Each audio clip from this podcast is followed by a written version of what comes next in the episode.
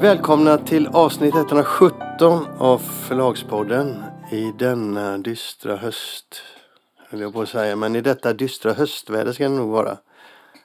Jag tittar ut genom fönstret och ser att det regnar jättemycket. Ja, men jag, och jag tittar ut genom fönstret och ser att det är strålande solsken. Så det är som det, är som det brukar vara, Göteborg och Stockholm.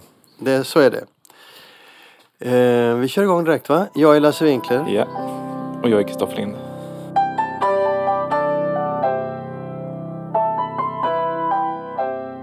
Bara en vecka sedan vi sände sist så har det hänt en jävla massa eh, Det har det varit en massa debatter i media på kultursidorna och Mm. några av dem kan vi inte undvika tycker jag. Och en som har anknytning till Men Göteborg. vi behöver inte, vi kan, vi kan gå igenom dem lite snabbt kanske. Ja, det kanske vi kan. Men vi måste ändå prata om dem.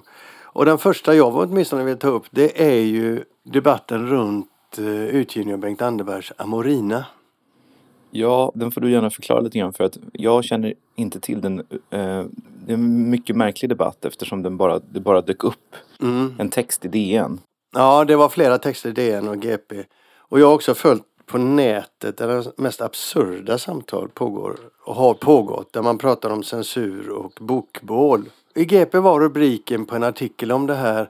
Bok som innehåller n-ordet stoppas i Göteborg.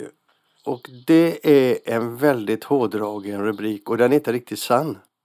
Men den har ju få- fått sitt eget liv på nätet då den här artikeln där folk pratar om bokbål och eh, censur.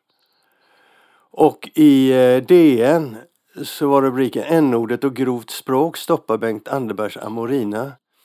Och det är inte riktigt sant heller för när man tittar i detaljerna och det är förresten den artikel där DN skriver ungefär vad som har hänt och eh, Agneta Pleijel som skulle skriva och skrev ett efterord till, en, till en, den här återutgivningen av Amorina som planerades har synpunkter och tycker det är skrämmande att det är en efterhandscensur och så vidare. Och så vidare. Men det har inte varit aktuellt med någon efterhandscensur.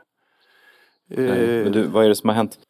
Jo, så här var det. Att eh, Författarcentrum Väst, de bestämde sig för att ha en bokcirkel.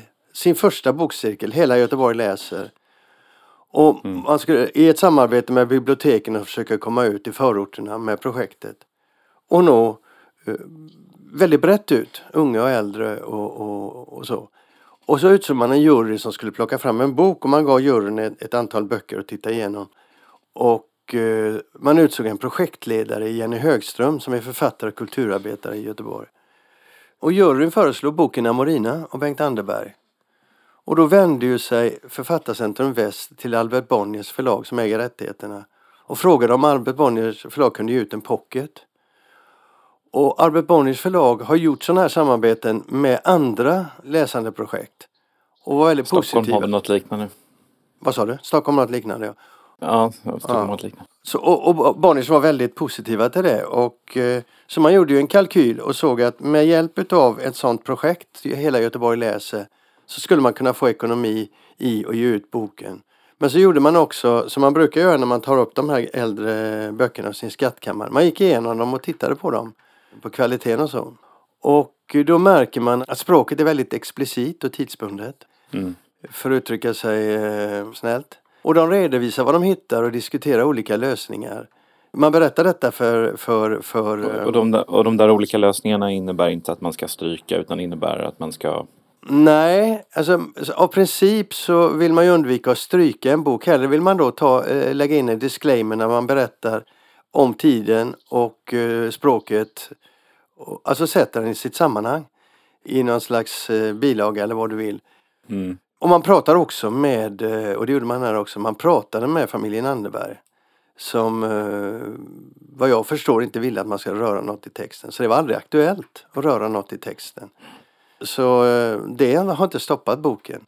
Däremot så blir ju då eh, och Bonnier stoppar ingen bok utan de meddelar eh, Författarcentrum Väst det här läget. Och Författarcentrum Väst då de blir ju förskräckta, de blir överraskade. Jenny Högström som skulle hålla i det här, hon skriver ju själv i, ett, i en artikel i Göteborgs-Posten hur hon uppfattade det här och hon upplever då eh, att boken, när hon läser den så inser hon att det här är fel vald bok. Den, den eh, innehåller ett språk som kan stöta ifrån sig väldigt många av de man vill nå med det här projektet. Det är en onödigt samtal man får i en första Mm. eh, Göteborg läser. Och sen är den också lite för tjock för att nå ovana läsare. Så det var ett val som inte var så genomtänkt. Och det är ju där problemet ligger. Författarcentrum Väst hade inte funderat igenom alla aspekterna av ett sånt här projekt. Och eh, man backar då. Man blir tysta. Man uttalar sig i DN där man försöker förklara vad som hände men det är alltså Författarcentrum Väst som hoppar av projektet med boken. Det är ingen som stoppar den för att den har eh, eh, för dess språk. Det är ingen som stoppar den för, för eh, att den skulle vara olämplig men den är inte lämplig för det här projektet. Så det är det man stoppar.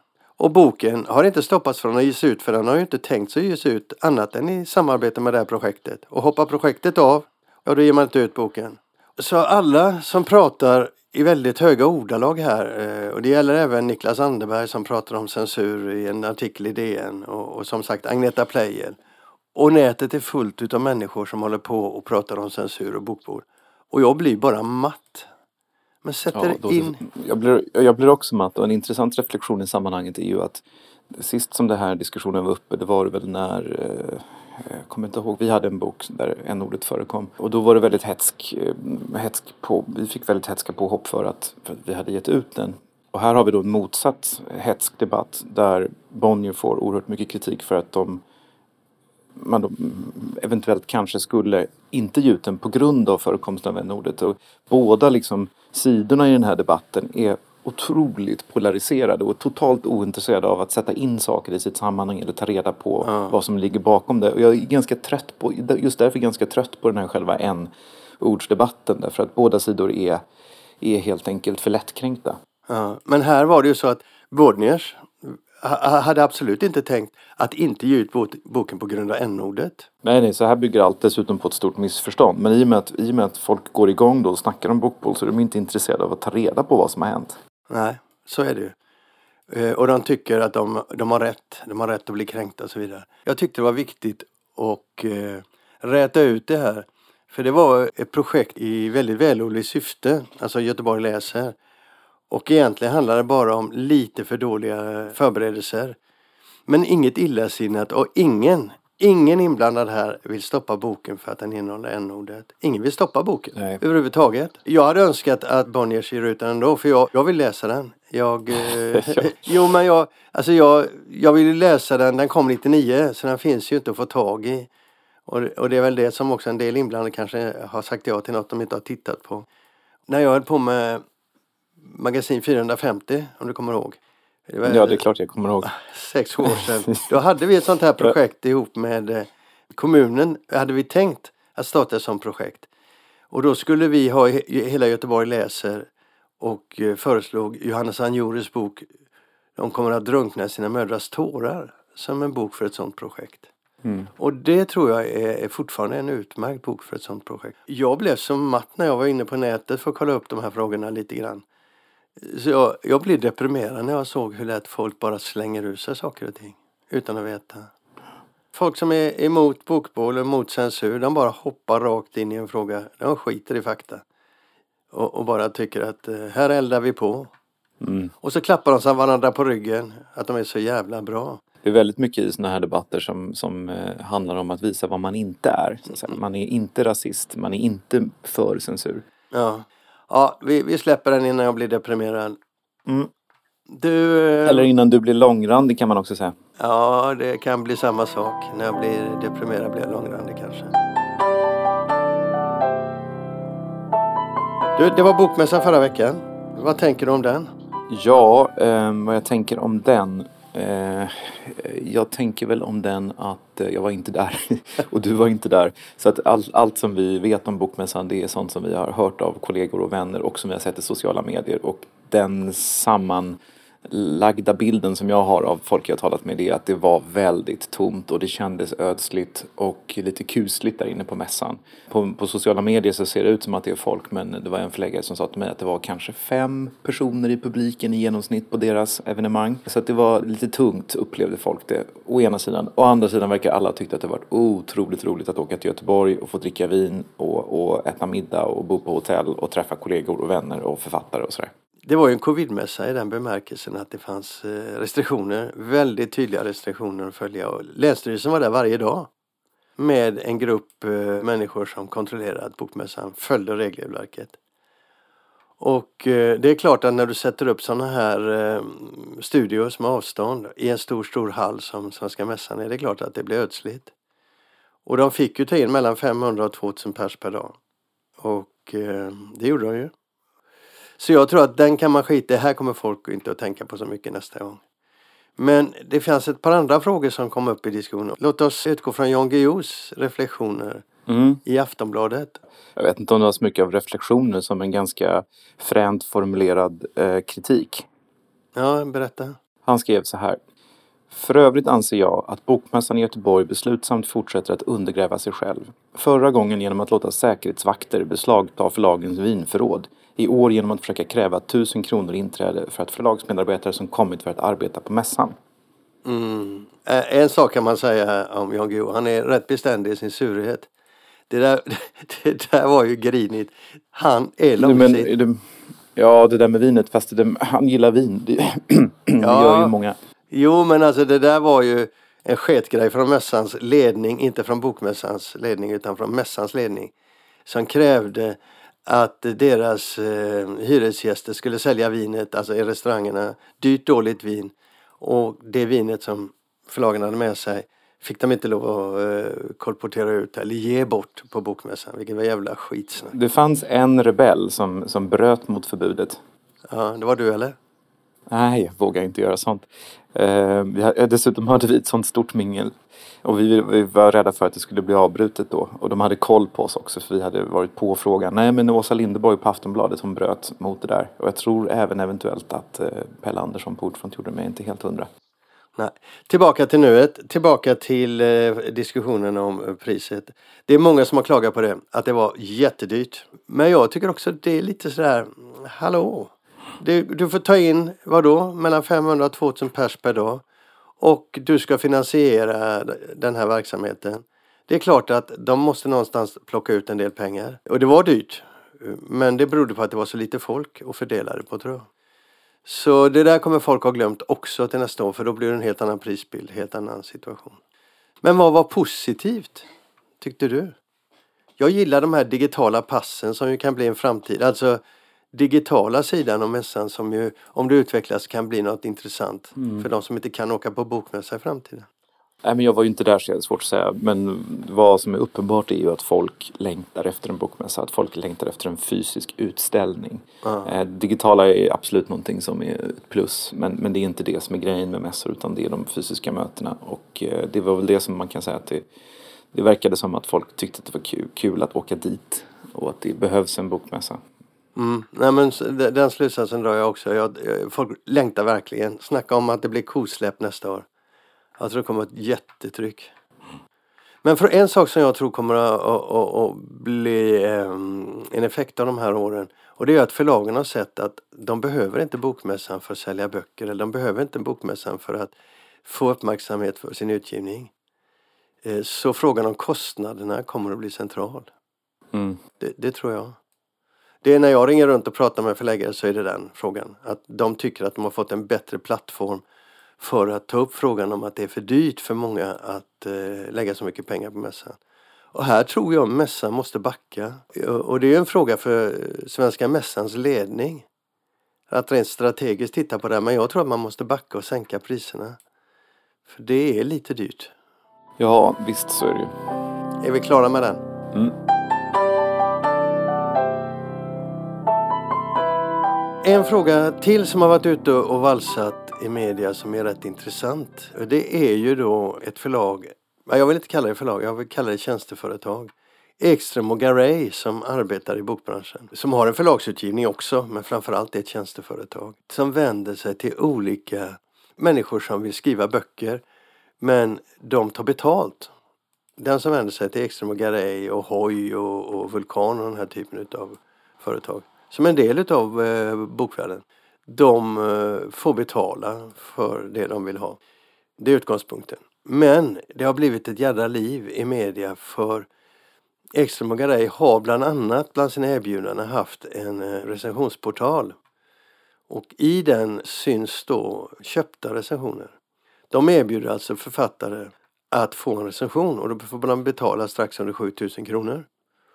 Och så får de boken recenserad. Och den hamnar då på recensionsportalen ihop med traditionellt beställda recensioner från deras kulturtidning Opulens.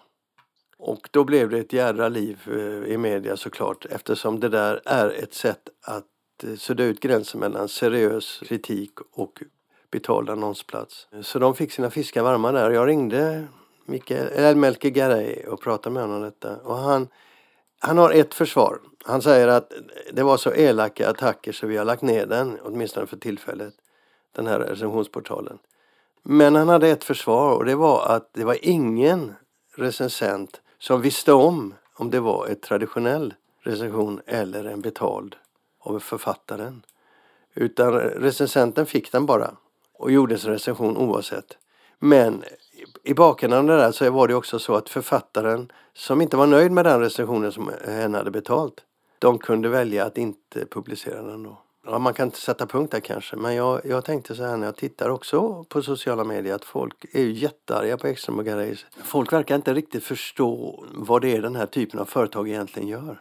Jag menar, Ekström och Garay är ju jätte... Alltså är ju större än de flesta sådana här företag. De har en egen agentur. Du får betala drygt 50 000 för att få en provöversättning av ett kapitel på din bok till engelska. Och som de säger då, en marknadsföring. Men hur mycket det är, det är ingen som vet. Och vad det leder till, det är ingen som vet. Så det här är ju, det här är ju att man som författare får vara verkligen försiktig. I samarbete med ett annat företag som har de öppnat ett produktionsbolag. Det vill säga, där kan du som författare lämna in ditt manus och så pitchar de, arbetar de med att få dem sålda till eh, filmproducenter. Och försöka, man säljer ju då en option och då tror ju många att en option betyder att det blir en film. Men det troliga är ju att en option att till 90-95 procent aldrig blir en film. Även en såld option blir liggande. Men alla de här tjänsterna är ju ett försök att eh, erbjuda de här människorna som inte kommer in i den professionella världen utav bokbranschen en chans att få de här tjänsterna som man betalar för då. Men vad de här människorna som gör det inte fattar riktigt, förutom att det är dyrt, men då ska man säga att det är inte dyrt jämfört med vad det kostar i, i på riktiga förlag och så, vad de lägger ut. Det låter som att du har, Melker Garay har charmat dig totalt. Nej, tvärtom. Jag går ju igenom vad de gör. Nej, du, du förklarar att det är inget konstigt och det, det är självklart kan man kunna ta betalt och det är inte dyrt och sådär det som har varit problematiskt med Ekström och Garay och som är fortfarande problematiskt skulle jag säga, jag är inne på deras hemsida nu medan vi pratar, det är ju att man inte är tydlig med vad man är. Mm. Utan man, man, man låtsas faktiskt att man är ett förlag. Mm. Det framgår liksom i det finstilta att man får betala. När man kommer in på deras hemsida så står det först Välkommen till bokförlaget Ekström och Garay. Och de är ju inget bokförlag. De har bokförlagsverksamhet men själva idén med ett förlag det är att man går i förlagslån. Aha. Alltså att man ligger ute med pengar, att man tar risk. Att man, att, man, att man väljer och säljer. Det är själva idén av ett förlag. Sen kan man ju förlag se olika ut och så. Men, men när, man, det, det, liksom, när man går in på deras hemsida så står det så. Sen står det vi tar emot manus, Sveriges största novelltävling. Och sen så står det aktuellt och då är det Eh, massa böcker de har och recensioner som böckerna har fått. Sen står det nyutgivet. Jag vet inte ens om man kan tala om utgivning om det är betald utgivning. Sen står det kommande utgivningar, tidigare händelser. Alltså det, det här ser ut som ett, precis som ett vanligt förlag.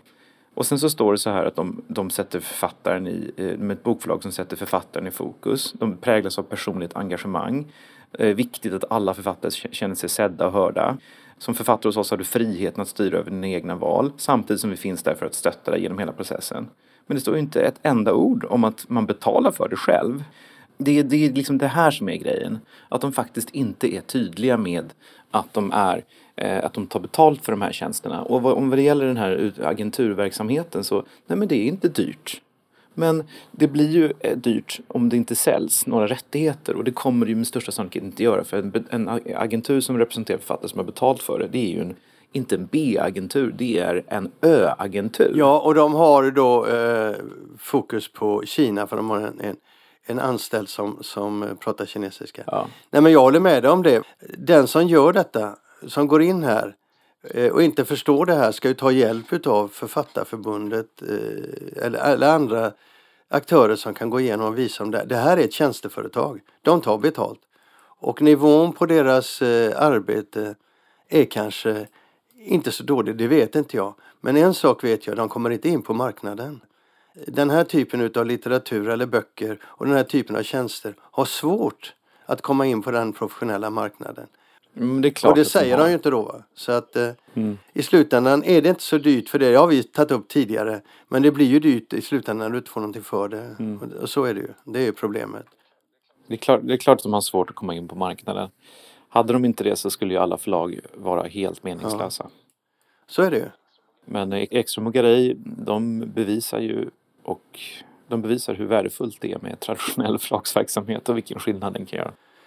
Ja, men jag tror att folk också måste tänka efter själva när de går in i den här typen av tjänsteföretag. Ja, ja nej, men jag håller helt med dig. Jag, jag tycker dessutom att de här hybridförlagen och betaltjänsterna är bra. De tillför någonting och det, det, det finns massor av... Jag har en, en, eh, en god vän som håller på att renskriva sin mammas dagböcker. Och eh, det där vill han inte publicera så länge hans syskon lever. Men eh, det ska bli, han ska ge ut dem i åtta volymer och liksom trycka upp så här 20 ex av varje. Och ge till sina, släkt, ge till sina närmsta släktingar. Nu har han kommit i kontakt med något, något sånt där produktionsbyråförlag som ska hjälpa honom med det. Det är ju jättebra. Och det finns ju massor av liknande grejer alltså som, där man inte kanske har ambitionen. Men om det är någon som verkligen vill slå igenom som författare och har en dröm att bli författare. så kan man ju faktiskt bli lite lurad här. Och det är, det är ju otydligheten. Det är bara där tycker jag som skon klämmer vad gäller Ekström och Garay. För den som skriver för släkt och vänner så kan den här tjänsten fungera bra. Eh, för där behöver ju man ofta lite hjälp. Men eh, som sagt, är man tveksam, eh, ta hjälp av någon som, som eh, känner till den här typen utav eh, organisation. Och försök att bedöma det förnuftigt för det kostar en del pengar även om det inte är dyrt i relation till vad det kostar för ett eget förlag. Och vi, vi kommer att komma tillbaka till det. För det är inte det, så att den här, eh, det finns en gråzon i den här verksamheten. Det är många förlag som arbetar med uppdragsutgivning på det sättet. Alltså ta betalt av eh, författaren eller författarens företag och sådär. Och det tänkte jag ta upp i ett senare eh, inslag i Förlagspodden. Det ska bli spännande att följa. Är vi klara här då? Ja, vi är klara.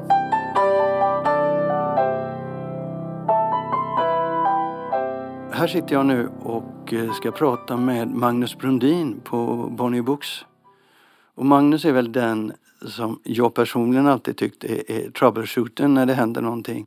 Men det är inte riktigt sant för han är, han, har, han är den med bredast erfarenhet som jag ser och varit inne på nästan alla områden när det gäller Bonniers. IT, logistik, ekonomi. Han är nu ansvarig för Pokershop och man kan inte kalla det rekonstruktion men utveckling av Pokershop får man väl säga då som det ser ut idag. Och han är också ansvarig för Bonniers satsning på boklådor eller bokhandeln i Finland på de butiker man äger där. Och det är därför jag sitter med Magnus här idag. Jag är jättenyfiken. Va? Va? Vad gjorde ni där? Eller hur Magnus? Ja, det ska bli trevligt att prata om. Eh, varför satsar ni på bokhandeln i Finland? Ja, det valet var ju bak 2014-15 när Bonniers sedan ett antal år då hade förvärvat VSOY i Finland. Eh, Lagt det bredvid Tammi och börjat titta på hur de tillsammans skulle kunna vara en större aktör och en, eh, en tydlig förlagsaktör som också utmanade Ottawa som den stora förlagsgruppen i Finland. Och då på ganska många möten, inklusive styrelsemöten, så diskuterades det svårigheten att komma in med utgivningen på finska bokhandeln, Suomalainen.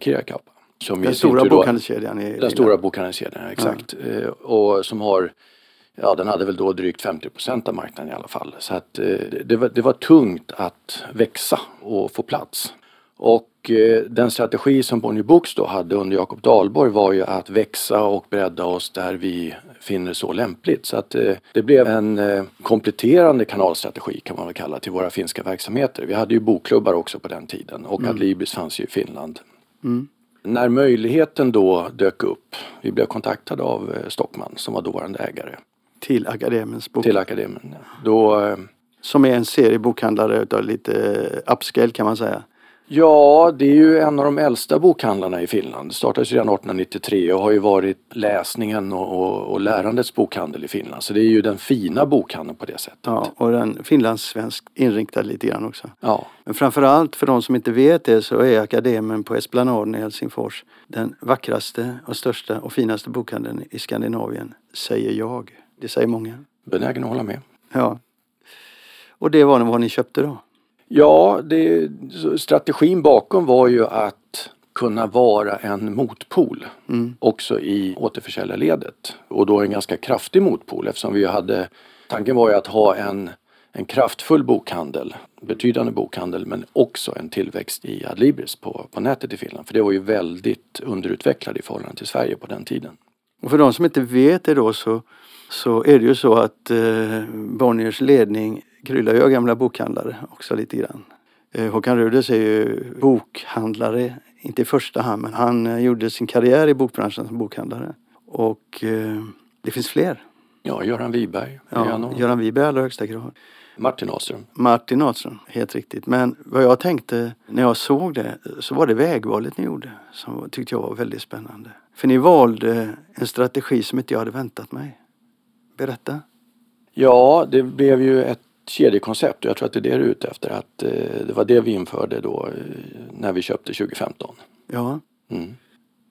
2015 var ju då var ju vägvalet att köpa bokhandeln. Ja. Det var Bosse Holmberg som blev det, den rådgivande så, så personen och, och med, med, den erfarenhet som han hade ifrån Åhléns och Akademibokhandeln ja. så skapades det en strategi som byggde på en stark kedja mm. och en kedja som skulle kunna åtminstone bibehålla försäljning på den nivå som var då alternativt till och med växa. När vi då gör en ny analys eh, fyra år senare så blir vägvalet totalt motsatt. Berätta. Min roll i, eh, i förvärvet av Akademiska bokhandeln det var att eh, bistå Jakob och eh, Bosse i analysen av, alltså att genomföra en due diligence av, av bolaget. Och mm. Det är klart att det, en, en sån här verksamhet framställs ju alltid lite mer i positiv dager av säljande part. Mm. Men, men vår analys, även med skeptiska ögon, var att det här på pappret blev en fantastisk affär. Och eh, trots då hårda motstånd i styrelser och annat i, inom Bonnier så, så blev till slut beslutet att vi, vi ska fullfölja en, en förhandling och vi tycker förhandlingen också gick faktiskt bättre än förväntat.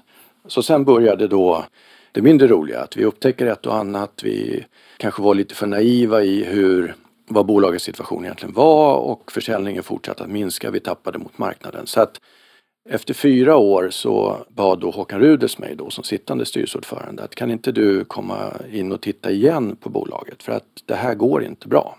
Och eh, det kom av en tidigare diskussion med Mats Ahlström där Håkan och Mats hade suttit och pratat om vad är framtidens bokhandel.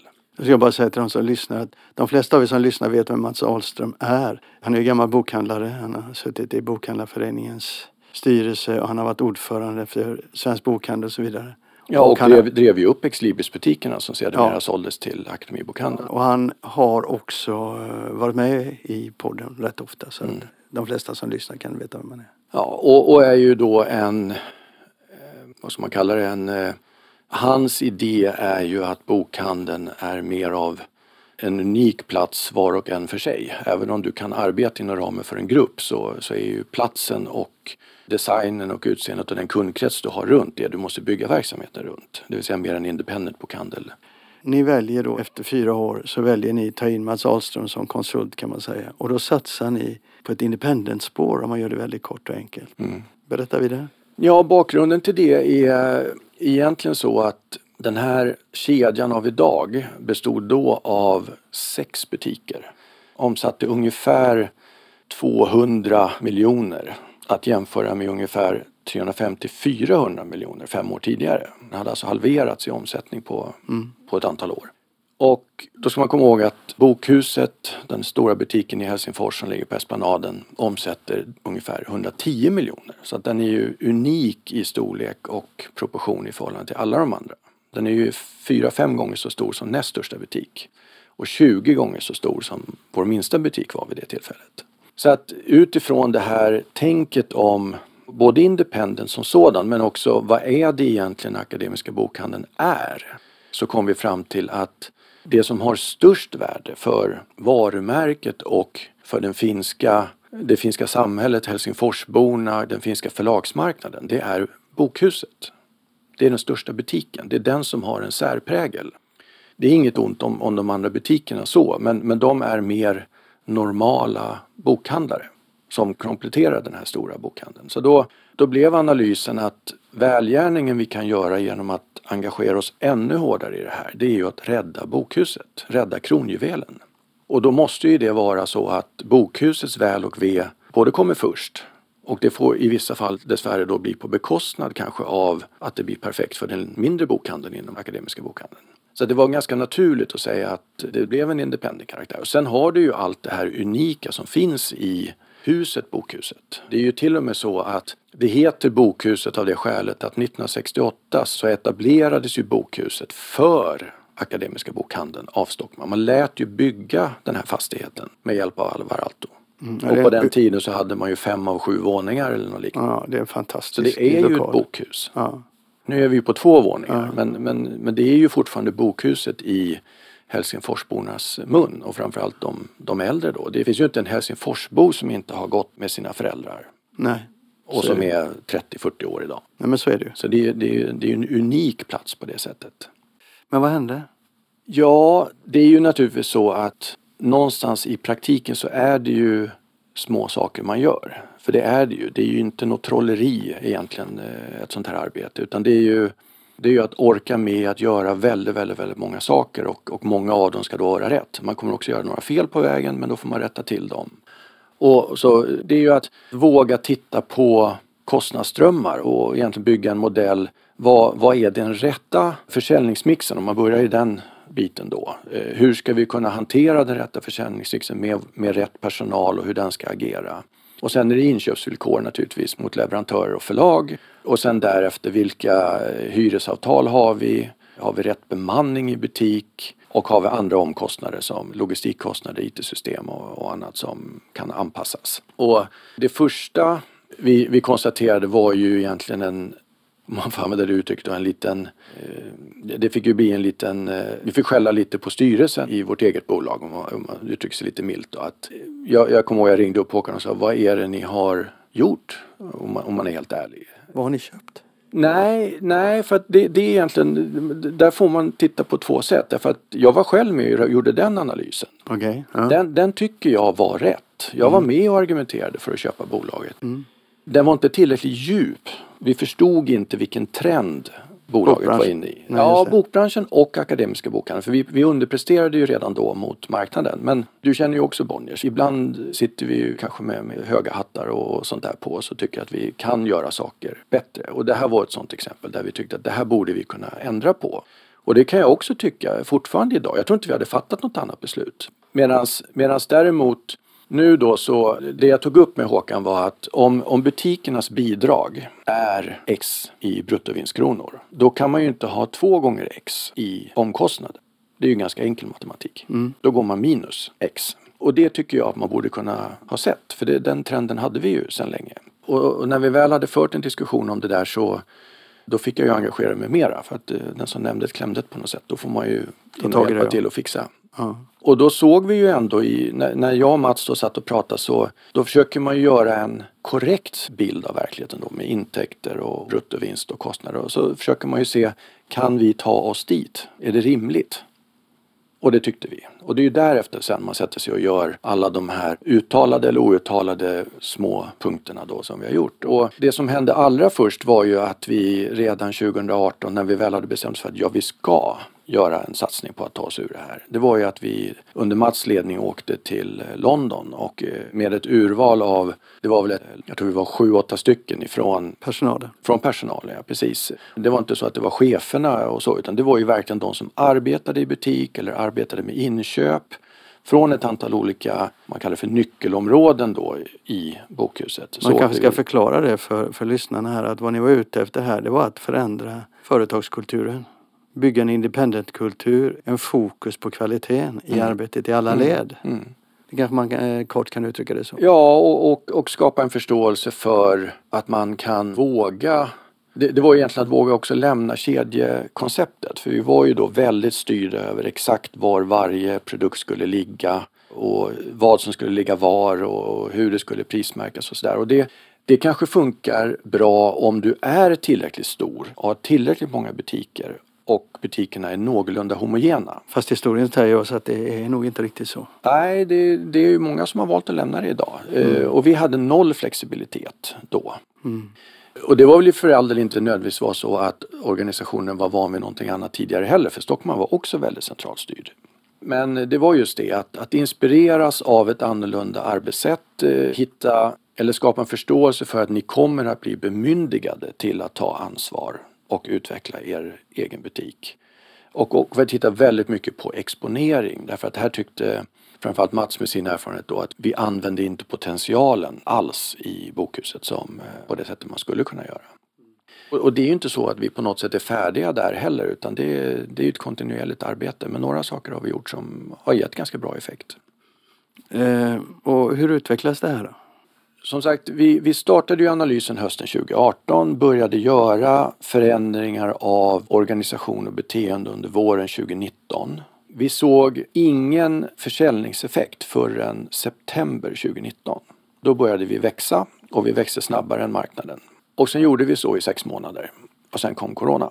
Och nu är det ju på något sätt High Chaparral i alla siffror. Men det som ändå är intressant i det då är att vi hann ju bygga upp en känsla av att det här, det går att ändra det här. Och vi har hunnit ställa om väldigt många saker som ju också har varit otroligt fördelaktiga under pandemin. Vi har ju en omkostnadsbas som ju är hälften av vad den var för fyra år sedan. Mm. Så det är klart att hade vi inte gjort någonting så hade det ju varit etter värre. Då kanske det hade varit akademen goodbye?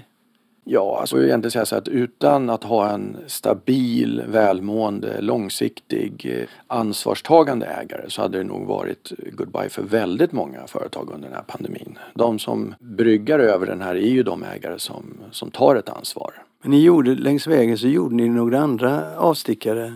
Du slöt ett avtal med en liten eh, oberoende bokhandel i Åbo. Eller Vasa. I Vasa. Berätta ja. lite. Ja, eh, det, det kommer sig egentligen av två saker. Det är ju, tittar man tillbaks igen på, på Akademiska bokhandeln och inte minst Bokhuset så Finland är ju tvåspråkigt. Ungefär 5% av befolkningen är svenskspråkig. Och vår utbudsmix i Bokhuset är faktiskt i princip en tredjedel av språken finska, svenska och engelsk utgivning. Eller engelskspråkig ska jag säga. Mm, mm. Det är i princip lika många titlar. Och då beror det lite grann på att den finska har fallit därför att eh, man har dragit ner på pocketutgivning och annat. Men, men det är en rätt häftig mix. Det är en väldigt ovanlig mix. Ja, det är en väldigt ovanlig mix och det är en helt annan strategi än, äh, än konkurrenter. Försäljning, försäljningen däremot sen är ju 60-20-20. Finska, svenska, ja, engelskt. Vi hade ju en väldigt stark, ett starkt band till svenskan i Finland. Och det är klart att när ett bolag är i eh, vad man kallar det för en ekonomisk kris, för det är ju utan tvekan så att det var vi. Eh, så är det kanske inte läge att komma till en, eh, till en styrelse och säga hej vi vill etablera mer butiker. Men det, är ju, det, det, finns ju andra boklådor som har det lite krångligt då med ekonomin och sådär. Och då tänkte jag att det borde ju kunna gå att låta en boklåda hänga på på marginalen. Och just utifrån det, det finlandssvenska då så så tänkte jag att det kunde vara intressant att, att bara testa eh, och, och, se om det går. Och då frågade jag en av våra inköpare, finns det någon mindre boklåda som skulle kunna tänkas vara intresserad av att göra någonting? Samarbeta helt Samarbeta på något sätt. Och då visade det sig att eh, Isabella då som vår inköpare heter, hon är ifrån Vasa ursprungligen. Hennes mor bor i Vasa och hon är där ibland. Och då sa jag, ja men gå in och prata med Anna-Lena Pallemäki då som hon heter och, och fråga bara. Vilket hon gjorde i typ september 2019 och sen var det ju bokmässan då i oktober 2019 så då sa jag men då, då träffas vi då. Vi talar om den finska bokmässan i Helsingfors. Ja, i Helsingfors såklart. Ja, mm. eh, och och då, då gick jag förbi där tillsammans med Isabella och så stod vi och pratade en halvtimme och jag förklarade vad jag ville. Och hon tyckte att det här låter ju fantastiskt om vi skulle kunna hitta någonting. Anna-Lena har ju drivit Gros bokhandel som är också en av Finlands äldsta, eh, men framförallt den kanske äldsta finlandssvenska bokhandeln eller Svenska bokhandeln i Finland och hade ju nu krympt ihop till att inte ha råd att ta in finska böcker. Finska bokhandeln finns ju där och säljer också men, men hon hade då valt att koncentrera sig på det svenska helt och fullt. Eh, men har svårt att få det att gå runt, sådär som det är för väldigt många. Men vi hittade ju varandra direkt och det tog inte många veckor så hade vi sagt att nu kör vi, testar. Och, så vi har ett eh, samarbetsavtal kan man ju kalla det då, där vi gjorde upp eh, premisserna. Som egentligen bygger på att vi tar över infrastrukturen runt att driva en bokhandel. Det vill säga vi, vi hanterar systemen, inköpen, det går på våra villkor, avtal. Medans hon fortfarande driver egentligen driften i bokhandeln då. Att hon, hon bemannar, hon sköter butiksansvaret fullt ut. Möte med kunden och så vidare. Ja, precis. Och, och, och sen delar vi på, på vinst och förlust. Nu är det ju så att vi, vi slöt det här avtalet då i slutet 2019 och första öppningsdag var första mars. Och då kommer vi ihåg vad som hände då. Då började corona spridas i världen så att vi har inte fått den start naturligtvis som, eh, som man har önskat. Men det går. Det går. Det visade sig ju att vi hade bättre affärsvillkor än dem och det gör ju att du får en naturlig boost i en del omkostnader. Intäkten, ja. Ja, framförallt i, i... Kostnadsmassan. Ja, det är ju omkostnadsmassan på inköpen som eh, förbättras. Och, och det, den går ungefär plus minus noll. Det är ju ingen, det är ingen vinst så. så att, eh, men utifrån perspektivet att kunna hjälpa till och ta ett ansvar för boklådor i ett land eller i ett samhälle så, så tycker jag att det är en intressant eh, vinkling och, och som ju styrelsen ställer sig bakom 100% när vi presenterade idén. Det är en intressant berättelse som säger något mer om hur ni jobbar.